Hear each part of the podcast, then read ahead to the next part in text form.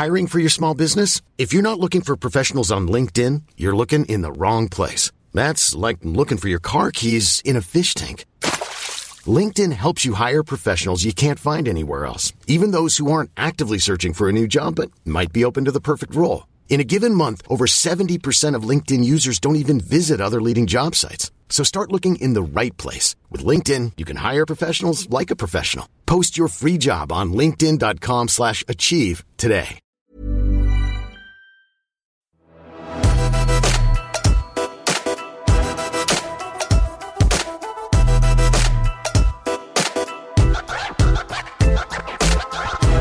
Vi som er digitale innvandrere, må kanskje tilgis for at vi ikke vet bedre når det kommer til IT-sikkerhet og vår egen sikkerhetshygiene, og hvordan vi rett og slett da bør forholde oss til den digitale hverdagen på en trygg og sikker måte. Og heldigvis så har vi jo de digitalt innfødte å lene oss på for gode råd og rutiner. Eller er det kanskje ingen sammenheng mellom det å være født med mobilen i hånda og ikke ski på beina, og det å være en ekspert på digitalisering og IT-sikkerhet? 2020 var et ekstremår for datainnbrudd, ifølge analyseselskapet Canalis. Det ble faktisk stjålet flere dataposter i 2020 enn i de foregående 15 årene til sammen. Mer enn 30 milliarder, faktisk, og da snakker vi kun om de rapporterte datainnbruddene. Og etter ett år med hjemmekontor så skulle man jo kanskje tro at vi hadde blitt mye bedre rusta til da å sikre oss. Men den gang ei. Mer enn hver tredje spurte nordmann i arbeid bruker ikke, eller vet ikke om de bruker, tofaktorautentisering, verken for e-post eller til andre kontoer. NRKs Fredrik Solvang var blant dem som lærte hvor viktig tofaktorautentisering er, og da the hard way, da Instagram-kontoen hans ble hacket for kort tid siden. Ifølge Trend Micro, altså disclaimer, jeg jobber med Trend Micro, så økte e-postangrep med over 30% i løpet av 2020. Og skal vi tro den ferske rapporten fra NorSIS, trusler og trender for 2021, så er kontokapring, altså at cyberkriminelle tar over en e-postkonto eller andre kontoer i en virksomhet, en av de største digitale truslene akkurat nå. Faktisk skyldes åtte av ti datainnbrudd i sky- og lagringstjenester kompromitterte passord. Dårlig sikkerhetshygiene er et økende problem, og et problem som vokser i omfang, men som også koster næringslivet og det offentlige milliarder av kroner hvert år. Og det er åpenbart et veldig stort problem blant alle oss som er på jobb. Vi som er digitale innvandrere. Da er det enda godt at alle dem som er digitalt innfødt, utviser så mye bedre sikkerhetshygiene enn oss innvandrere, ikke sant? Eller ja, hadde det bare vært slik. For de yngste er derimot de verste når det kommer til det å dele f.eks. av passord. Kodan Forsikring publiserte nylig funnene sine fra en undersøkelse utført av Norstat, hvor det kommer frem at 18% av oss her i Norge har delt passord med noen vi stoler på i løpet av det siste året.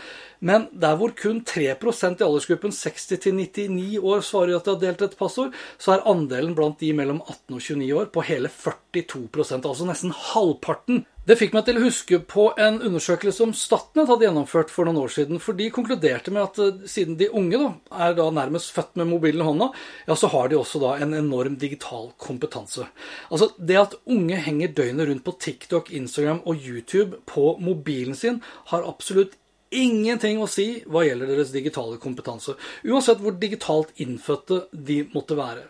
Du blir muligens ekspert i et fag, f.eks., etter 10 000 timer med studier, men du blir verken ekspert på digitalisering eller på YouTube av å se på YouTube i 10 000 timer.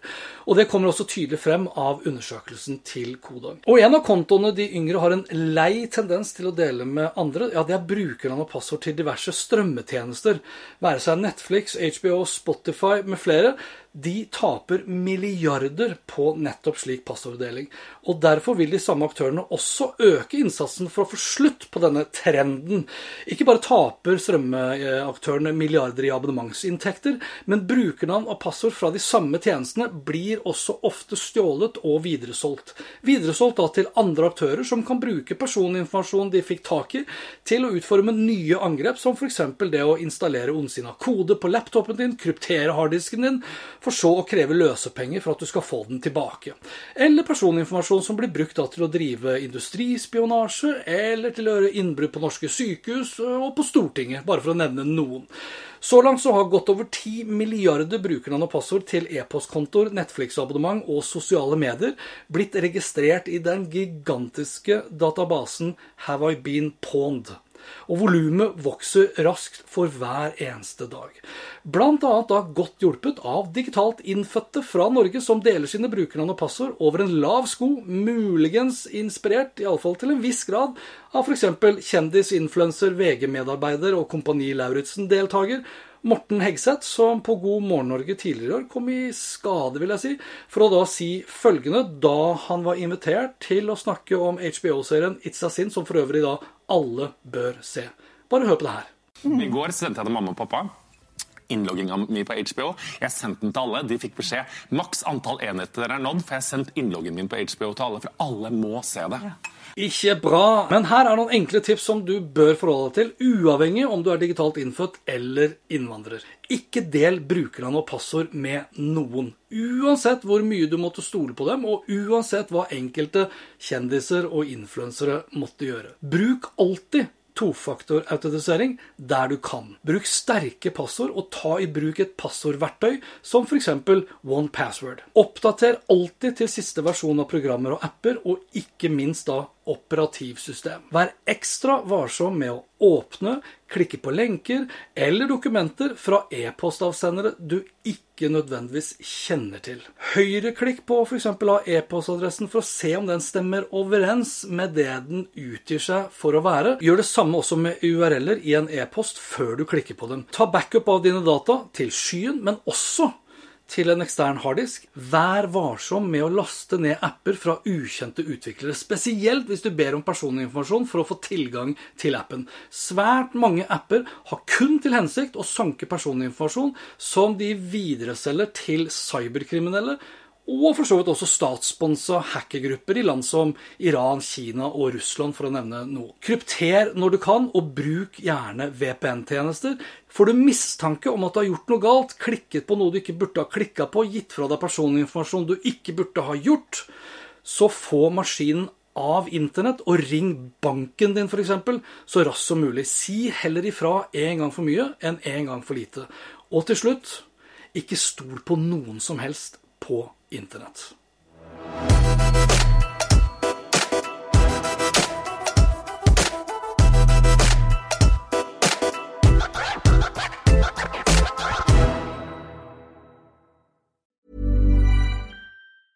Witness history at Roland Garros, where old rivalries meet new talent on the clay battleground. Tennis Channel Plus is your place to watch. Stream every court from your phone or smart TV live in HD. Experience three weeks of unparalleled access as the world's top players in tennis face off to see if the veterans maintain their dominance or if a fresh face rises to challenge them. Daily live coverage of the French Open begins Monday, May 20th.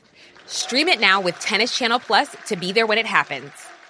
My business used to be weighed down by the complexities of in person payments. Then, Tap to Pay on iPhone and Stripe came along and changed everything. With Tap to Pay on iPhone and Stripe, I streamline my payment process effortlessly. Now I can accept in person, contactless payments right from my iPhone. No extra hardware required. What's truly remarkable is how I can cater to all of my customers' payment preferences. Whether they're using cards, Apple Pay, or other digital wallets, Tap to Pay on iPhone and Stripe ensure a smooth checkout experience every time.